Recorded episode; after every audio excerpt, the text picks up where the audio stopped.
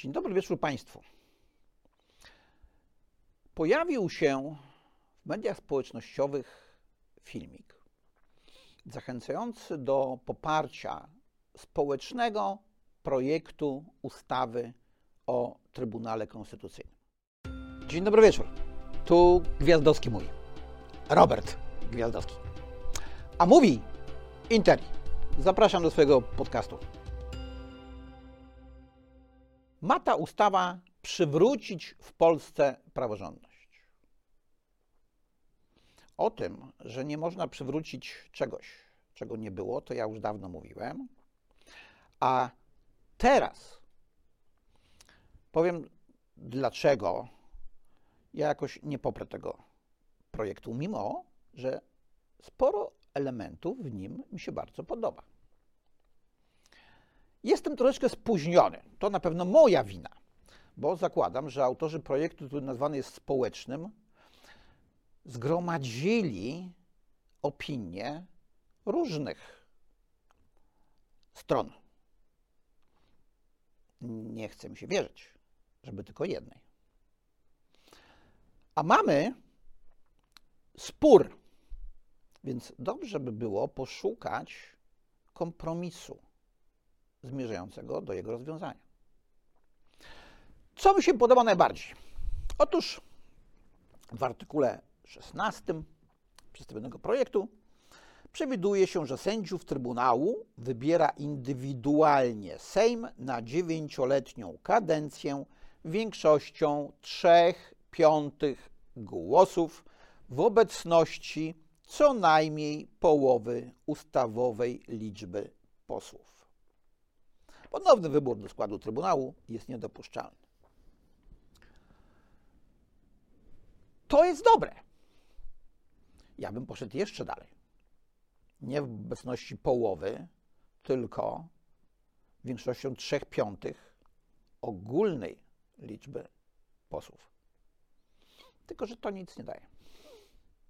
To nic nie daje, proszę Państwa, bo to jest zwykła ustawa. To jest zwykła ustawa, więc za jakiś czas może pojawić się w Sejmie większość, która przyjmie ustawę o zmianie ustawy o Trybunale Konstytucyjnym i w artykule 16 dokonać poprawki i stwierdzić, że sędziów wybiera Sejm zwykłą większością głosów. No i trudno będzie powiedzieć, że to jest niezgodne z konstytucją, bo konstytucja nie stanowi, jak Sejm ma wybierać sędziów Trybunału Konstytucyjnego. A czy możemy wykluczyć, że już nigdy nie pojawi się taka większość? No, ja bym tego nie wykluczał. Zwłaszcza, że autorzy projektu dają troszeczkę paliwa tym, którzy są po drugiej stronie sporu politycznego. O tym za momencik. Ja generalnie rzecz biorąc uważam, że Trybunał Konstytucyjny nam jest w ogóle niepotrzebny. No ale żeby zlikwidować Trybunał Konstytucyjny, trzeba mieć większość konstytucyjną, bo on jest przewidziany w Konstytucji. E, takiej większości nie ma i długo, długo nie będzie, choć może kiedyś. Więc ja rozumiem, że autorzy projektu ten swój projekt wpisują w istniejący porządek konstytucyjny, e, pokazując, jakie są możliwości zmian. No i wiele z tych zmian, no poza tamtą, to są zmiany ciekawe. Myśmy w Centrum Adama Smitha w 1997 roku mówili, że e, niepotrzebny jest Trybunał Konstytucyjny, e, że to samo, co robi Trybunał Konstytucyjny, może robić Sąd Najwyższy, zwłaszcza, że Sąd Najwyższy jest wybierany troszeczkę inaczej niż Trybunał Konstytucyjny. Nawet jeżeli prowadzimy te trzy piąte głosów w obecności połowy e, ogólnej liczby posłów, to i tak to będzie wybór jednak bardziej polityczny niż w przypadku sędziów Sądu Najwyższego czy Naczelnego Sądu Administracyjnego. A ciekawostka, autorzy projektu przewidują, że sędzią Trybunału Konstytucyjnego może zostać tylko ktoś, kto spełnia warunki, żeby być sędzią Sądu Najwyższego lub Naczelnego Sądu Administracyjnego. Czyli ta sama kategoria osób ma bierne prawo wyborcze do Trybunału Konstytucyjnego, Sądu Najwyższego i Naczelnego Sądu Administracyjnego. No to po co tworzyć nowy organ? No właśnie tylko dlatego, że on jest w Konstytucji e, i nie możemy zmienić Konstytucji, więc niech on sobie będzie. Natomiast potwierdza to przekonanie, że w zasadzie byłoby lepiej, gdyby sprawami konstytucyjnymi zajmował się tak jak w Stanach Zjednoczonych Sąd Najwyższy. Specjalny trybunał powoływany przez Sejm nie jest do niczego potrzebny.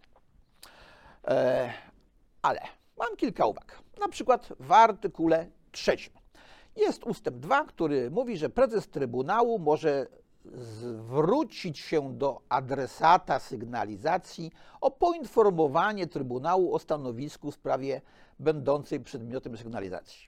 Bo cały ten artykuł trzeci poświęcony jest temu, że Trybunał ma prawo zasygnalizować stosownym organom, że jego zdaniem coś jest nie tak. Ja bym radził, żeby to przeformułować. E, bo powinno być na odwrót. E, adresat sygnalizacji informuje prezesa Trybunału o stanowisku w sprawie w terminie miesiąca od wniesienia sygnalizacji. No bo po co jest taka sygnalizacja, jak adresat sygnalizacji może z nią nic nie zrobić? Pytanie, powinien, czy może nie musieć? Ja uważam, że powinien, ale to jest generalnie rzecz biorąc szczegół. W artykule, proszę Państwa, 17 przewidujemy, że nie może być sędzią Trybunału Konstytucyjnego osoba, która sprawowała mandat posła, senatora itd., tak itd., tak co najmniej 4 lata, jeżeli e, nie upłynął okres co najmniej 4 lat. E, I to samo jest z osobą, która była członkiem partii politycznych. Też nie może zostać sędzią Trybunału Konstytucyjnego, e, jeżeli od zakończenia członkostwa w partii nie upłynęły 4 lata. To jest moim zdaniem okres zdecydowanie za krótki.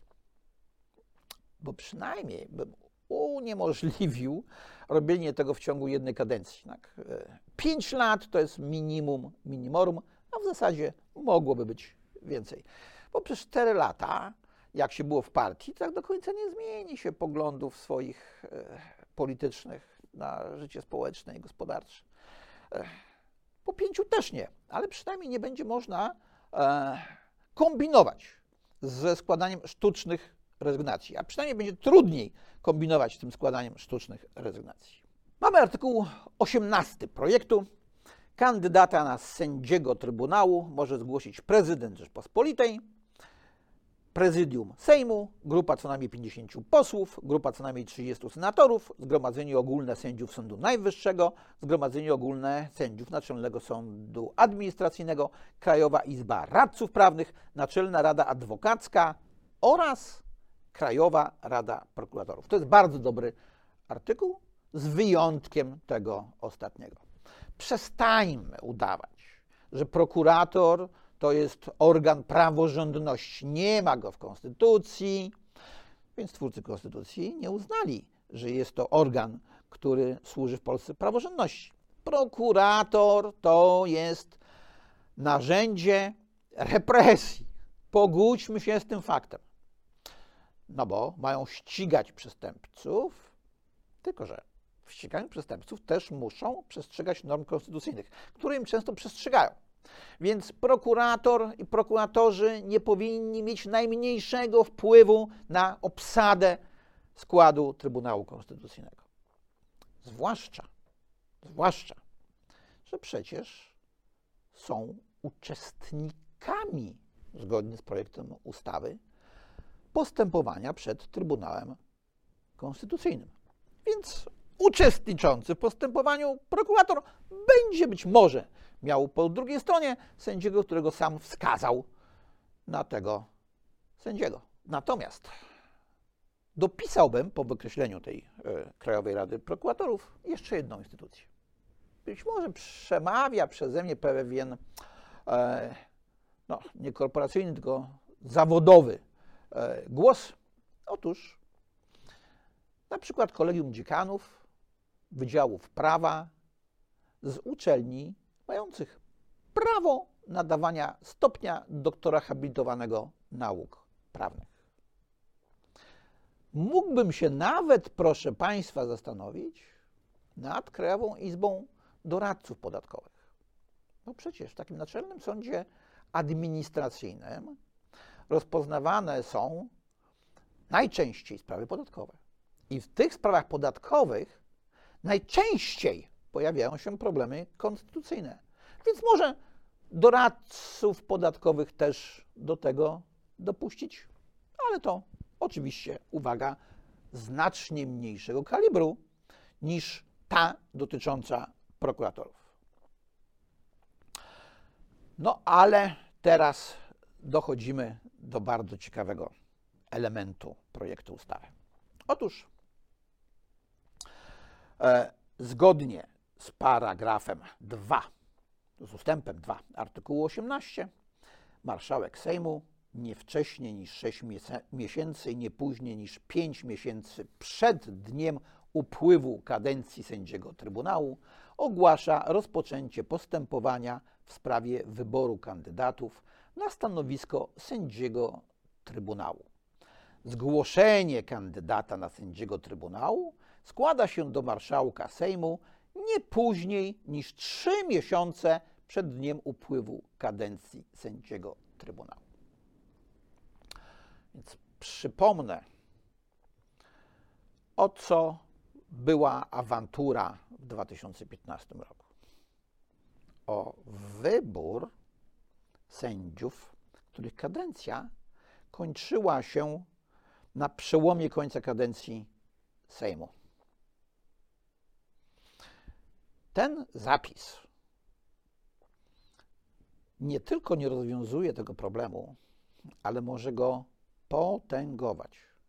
A już zwłaszcza, proszę Państwa, że jest sprzeczny z tezą wyroku Trybunału Konstytucyjnego z dnia 3 grudnia 2015 roku e, K34 na 15, który jest sztandarowym wyrokiem przywoływanym co chwilę przez obrońców praworządności.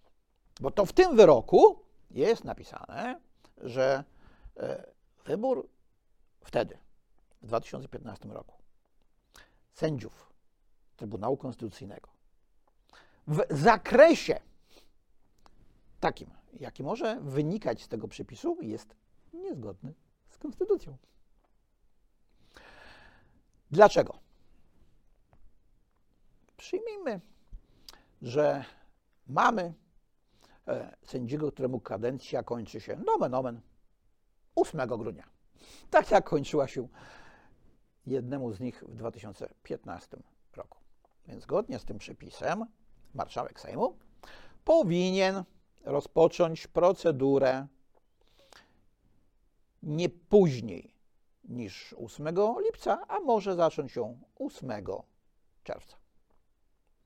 No i teraz ci wszyscy, którzy są uprawnieni do zgłaszania kandydatur, mają na to 3 miesiące. Taka ciekawostka. Ci, którzy mają zgłosić kandydata, mają 3 miesiące czyli tyle samo, co ma potem Sejm, Krajowa Rada Sądownictwa, e, na przeprowadzenie procedury wyboru tego kandydata. No i to w dalszym ciągu nie koniec, bo e, marszałek Sejmu nie później niż 30 dni, już tylko 30 dni, przed upływem kadencji sędziego Trybunału przedstawia kandydatury spełniające wymagania posłom Krajowej Radzie Sądownictwa oraz opinii publicznej. To znaczy, że marszałek Sejmu ma przez dwa kolejne miesiące, po tym jak już kandydatury do niego spłyną, czas na sprawdzenie dokumentów. Czy wszystko jest poprawne to powinno mu zająć nie więcej niż tydzień, żeby było więcej czasu na wybór. Ale to jeszcze nie wszystko. Otóż Krajowa Rada Sądownictwa realizuje zadania wynikające z Konstytucji i po wysłuchaniu kandydatów przedstawia marszałkowi Sejmu opinię na temat kandydatów. Marszałek Sejmu przedstawia opinię Krajowej Rady Sądownictwa posłom. No, kandydatów przedstawia także opinii publicznej, ale opinii Krajowej Rady Sądownictwa opinii publicznej już nie przedstawia. No, my mamy dziennikarzy śledczych, więc z pewnością się dowiemy, jaka to była opinia, ale może by tak warto było napisać w ustawie, tak nie pomijać tej opinii publicznej specjalnie. Idźmy dalej. Marszałek Sejmu w terminie, o którym mowa w ustępie 1, czyli nie później niż 30 dni przed upływem kadencji sędziego, zarządza otwarte wysłuchanie publiczne kandydatów z udziałem posłów i organizacji społecznych. To prawdopodobnie fizycznie się nie da zgrać, żeby to był ten sam termin, kiedy marszałek przekazuje e, listę kandydatów z prośbą do Krajowej Rady Sądownictwa o ich wysłuchanie i zaopiniowanie i jednocześnie w tym samym terminie e, ogłasza, kiedy będzie ich przesłuchanie publiczne. No ale też jest taka ciekawostka z tymi organizacjami społecznymi. No bo jeżeli w tym przesłuchaniu publicznym mają uczestniczyć organizacje społeczne, to ja bym się zapytał, jakie. E, czy to nie będzie tak jak w społecznym projekcie ustawy, że to wybrane, kto je będzie wybierał? No bo jak przyjdą wszystkie, to się nie zmieszczą w Sejmie, proszę Państwa. E, więc ktoś będzie musiał zdecydować, kogo wpuści, kogo nie wpuści, e, na jakich warunkach ma się to odbyć. Mało tego.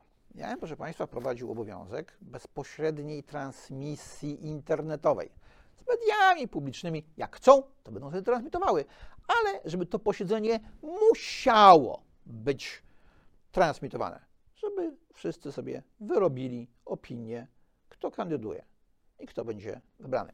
To nie koniec problemów jednakże, proszę Państwa, bo nie ma przepisów, które mówią, kto zostanie wybrany. No, należy przypuszczać bowiem, że będzie więcej kandydatów niż stanowisk. Wybieramy pierwszego, który dostanie 3 piąte. E, głosujemy w kolejności alfabetycznej, czy może w kolejności wieku, czy może ladies first. No, przydałoby się to w jakiś sposób rozwiązać, a rozwiązane, rozwiązania takiego nie ma. Są dalej pewnego rodzaju ograniczenia. Sędzia Trybunału nie może pozostawać w stosunku dodatkowego zatrudnienia, z wyjątkiem zatrudnienia w charakterze nauczyciela akademickiego w uczelni lub pracownika naukowego w Instytucie Polskiej Akademii Nauk. E, no, zatrudnienie wiadomo, umowa o pracę. A jak jest ze zleceniami? E, zacznijmy jednak od tego, czy powinno być to wyłączenie. Moim zdaniem nie powinno być tego wyłączenia z powodów dwóch. Pierwszy powód czysto logistyczny, e, czasowy bym powiedział. Doba ma 24 godziny, więcej nie chcę mieć. W Trybunale Konstytucyjnym leży w huk spraw nierozpoznanych. Niektóre do Trybunału Konstytucyjnego w ogóle nie trafiają, no bo ich potencjalni e, wnioskodawcy czy, skarżący nie chcą sobie zawracać głowy sprawami, które skończą się, jeżeli w ogóle, za 3 lata czy za lat 5. Praca na uczelni, jakakolwiek inna praca, czy w Polskiej Akademii Nauk, odciąga sędziego od analizowania akt i od wyrokowania. E, I już z tego powodu sędziowie Trybunału Konstytucyjnego mają siedzieć, e, e, mają orzekać, analizować sprawy i orzekać. Siedzieć nie muszą. Ale jest też drugi powód. Pamiętam, był taki słynny wyrok Trybunału Konstytucyjnego, w wydawaniu którego uczestniczyli w większości profesorowie wyższych uczelni, który stwierdzał, że płatne studia są zgodne z konstytucją. Choć w konstytucji jest napisane jak byk, że studia wyższe są niepłatne. Orzekali profesorowie w swoim własnym interesie. Umówmy się. Profesor Richard Bugaj, który był członkiem Zgromadzenia Narodowego, które uchwalało tę konstytucję, napisał kiedyś że w życiu by mu nie przyszło do głowy zagłosować za tą konstytucją, jakby wiedział, że wprowadza ona możliwość płatnych studiów. Ja myślę, że wielu członków tego Zgromadzenia Narodowego tak by nie zagłosowało. Zrezygnujmy z tego. Naprawdę nie ma żadnego powodu. A dalej leci, proszę Państwa, kazuistyka. Otóż e, jest taki przepis, który mówi, że sędzia Trybunału nie może być członkiem zarządu, rady nadzorczej, komisji rewizyjnej, spółki prawa handlowego, spółdzielni, zarządu fundacji prowadzącej działalność gospodarczą, ani prowadzić działalności gospodarczej na własny rachunek lub wspólnie z innymi osobami, a także zarządzać taką działalnością, być przedstawicielem lub pełnomocnikiem w prowadzeniu takiej działalności. E, jak nic, to nic. Więc nie trzeba robić takiej kazuistyki. A jak już ją robimy, to mam takie pytanie. Dlaczego nie może być prezesem zarządu tylko i wyłącznie fundacji prowadzącej działalność gospodarczą? A fundacja nieprowadząca działalności gospodarczej to nie ma swoich różnych interesów prawnych? Hmm. Zapewniam Państwa, że może mieć i zapewniam Państwa, że niektóre mają, a niektóre mogą mieć, jeżeli jeszcze nie miały albo w tym momencie nie mają. Więc wyrzućmy również i ten przepis, on jest całkowicie niepotrzebny. No i jeszcze kolejna kwestia. Odpowiedzialność dyscyplinarna. To był jeden z poważnych bojów w 2015 roku o odpowiedzialność dyscyplinarną sędziów. W artykule 35 przewidujemy, że w postępowaniu dyscyplinarnym orzeka sąd dyscyplinarny w pierwszej instancji w składzie pięciu sędziów, w drugiej instancji w składzie siedmiu sędziów. Sędziów do składów orzekających wyznacza się w drodze losowania, które przeprowadza trybun, prezes Trybunału spośród sędziów Trybunału oraz sędziów Trybunału w stanie spoczynku. Pewien jestem, że znowu będzie dzika awantura o kastowości. No bo tak naprawdę koledzy będą sądzić kolegów. Może by tak lepiej. Senat o tym decydował większością trzech piątych głosów zamiast siedmiu kolegów. No bo w pierwszej instancji w składzie pięcioosobowym zdecyduje trzech, w drugiej instancji w składzie siedmioosobowym zdecyduje czterech, czyli razem siedmiu. To nie jest dobre rozwiązanie. I to jest znowu bardzo konfliktogenne rozwiązanie. No ale to jeszcze nie wszystko, bo jest jeszcze ustawa wprowadzająca przepisy ustawy o Trybunale Konstytucyjnym. I tu dopiero zaczyna się problem. Otóż ta ustawa uznaje, że mamy trzech dublerów, którzy nie są sędziami, że wszystkie wyroki wydane z ich udziałem są nieważne. Więc powtórzę bardzo niepopularną tezę, którą głosiłem od lat. Nie ma żadnych dublerów. Nie ma żadnych dublerów, dlatego że w 2015 roku doszło do konfliktu ustępującej większości z nową większością parlamentarną, konfliktu politycznego o wybór politycznych sędziów Trybunału Konstytucyjnego. Wszyscy się powołują na ten wyrok, o którym wspominałem z 3 grudnia 2015 roku. E, K34 na 18. Wyrok wydawany w niebywałym pośpiechu, proszę Państwa, 3 grudnia. E, w sytuacji, gdy Trybunał jakoś się nie spieszył specjalnie z rozpoznaniem wniosku grupy posłów PiS z czerwca czy z lipca 2015 roku o stwierdzenie niezgodności z konstytucją przepisów ustawy o Trybunale Konstytucyjnym uchwalonej w czerwcu 2015 roku. Minął lipiec, sierpień, wrzesień, październik e, i nic. Nie spieszyli się sędziowie. Na podstawie tej ustawy dokonano tego kontrowersyjnego wyboru, e, no a potem przed PiS i powiedział, ten wybór to był nielegalny, nasz będzie legalny. Opowiadałem o tym wielokrotnie, natomiast przesądzające moim zdaniem te wszystkie spory jest to, że ten słynny wyrok K34 na 15 był wydany w składzie nieustawowym. Sorry. No sorry. To możemy podkreślić dzisiaj w szczególności, dlatego że Izba Pracy e, i Ubezpieczeń Społecznych podjęła uchwałę, którą kazała wpisać do Księgi Zasad Prawnych, że w apelacji skład jednoosobowy nie gwarantuje sprawiedliwego wyroku.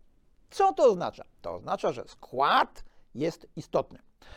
Otóż ustawa przewidywała, ówczesna ustawa o Trybunale Konstytucyjnym przewidywała, że w sprawach ważnych, ważkich, doniosłych, Trybunał orzeka w składzie pełnym. No, ale pełny skład się nie dał zebrać. Nie dał się zebrać, bo część sędziów miała ewidentny konflikt interesów i się wyłączyła.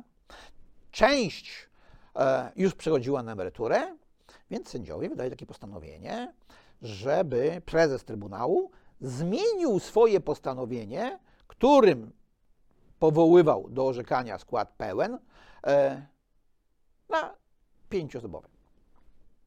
Nie ma w aktach śladu, czy prezes to zrobił, czy tego nie zrobił. Przyjmijmy, że zrobił.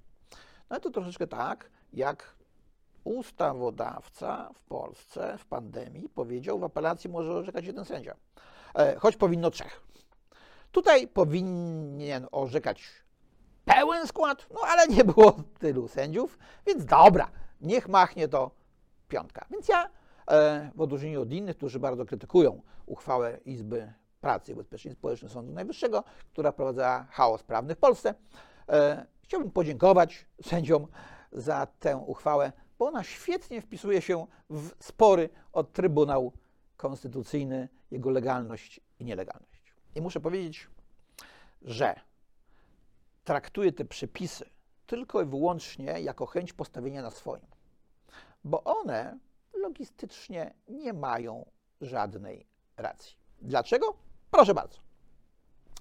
E, wybory będą pod koniec października. No to rząd może będzie przed świętami, a może nie przyjmijmy, że będzie. E, no to od nowego roku przyszłego zaczniemy procedować społeczny projekt ustawy o e, Trybunale Konstytucyjnym. No, jak ktoś go wniesie.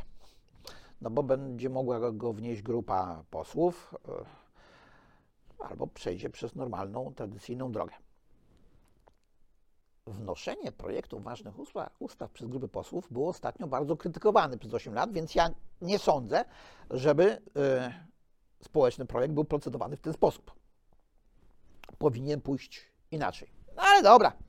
E, załóżmy, że przeprocedujemy tę ustawę zgodnie z zasadami państwa prawa, a nie szybko po nocy, tak jak to PiS robił, bo przecież tak postępować nie można, to kiedy ta ustawa może wejść w życie?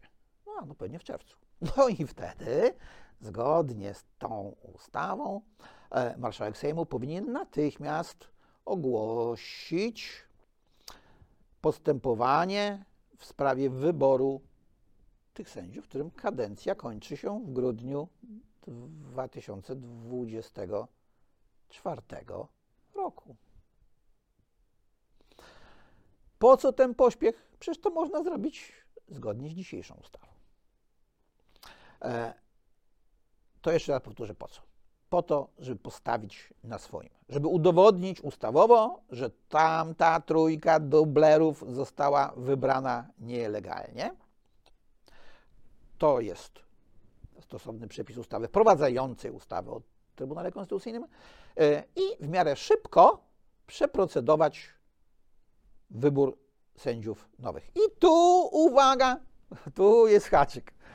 E, Zgodnie z projektem 3 piąte ma wybierać nowych sędziów. I zgodnie z projektem sędziowie Trybunału Konstytucyjnego sprawują swoją funkcję do czasu wybrania nowych. Hmm. Więc na miejscu PiSu, nawet jeżeli ta ustawa wejdzie w życie, e, jak PiS przegra wybory, e, to wystarczy zablokować wybór nowych sędziów, po to, żeby ci pisowscy pozostali przez całą kadencję Sejmu. Bo potem w 2025 e, na początku e, wygaśnie kadencja dwóch kolejnych sędziów, też wybranych przez PiS. Więc jakby chcieli działacze demokratycznej opozycji uchwalić ten społeczny projekt, to niech to wezmą pod uwagę.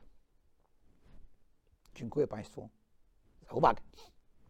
Do zobaczenia i do usłyszenia. Na dziś to już by było na tyle. Dziękuję bardzo i zapraszam na następny odcinek.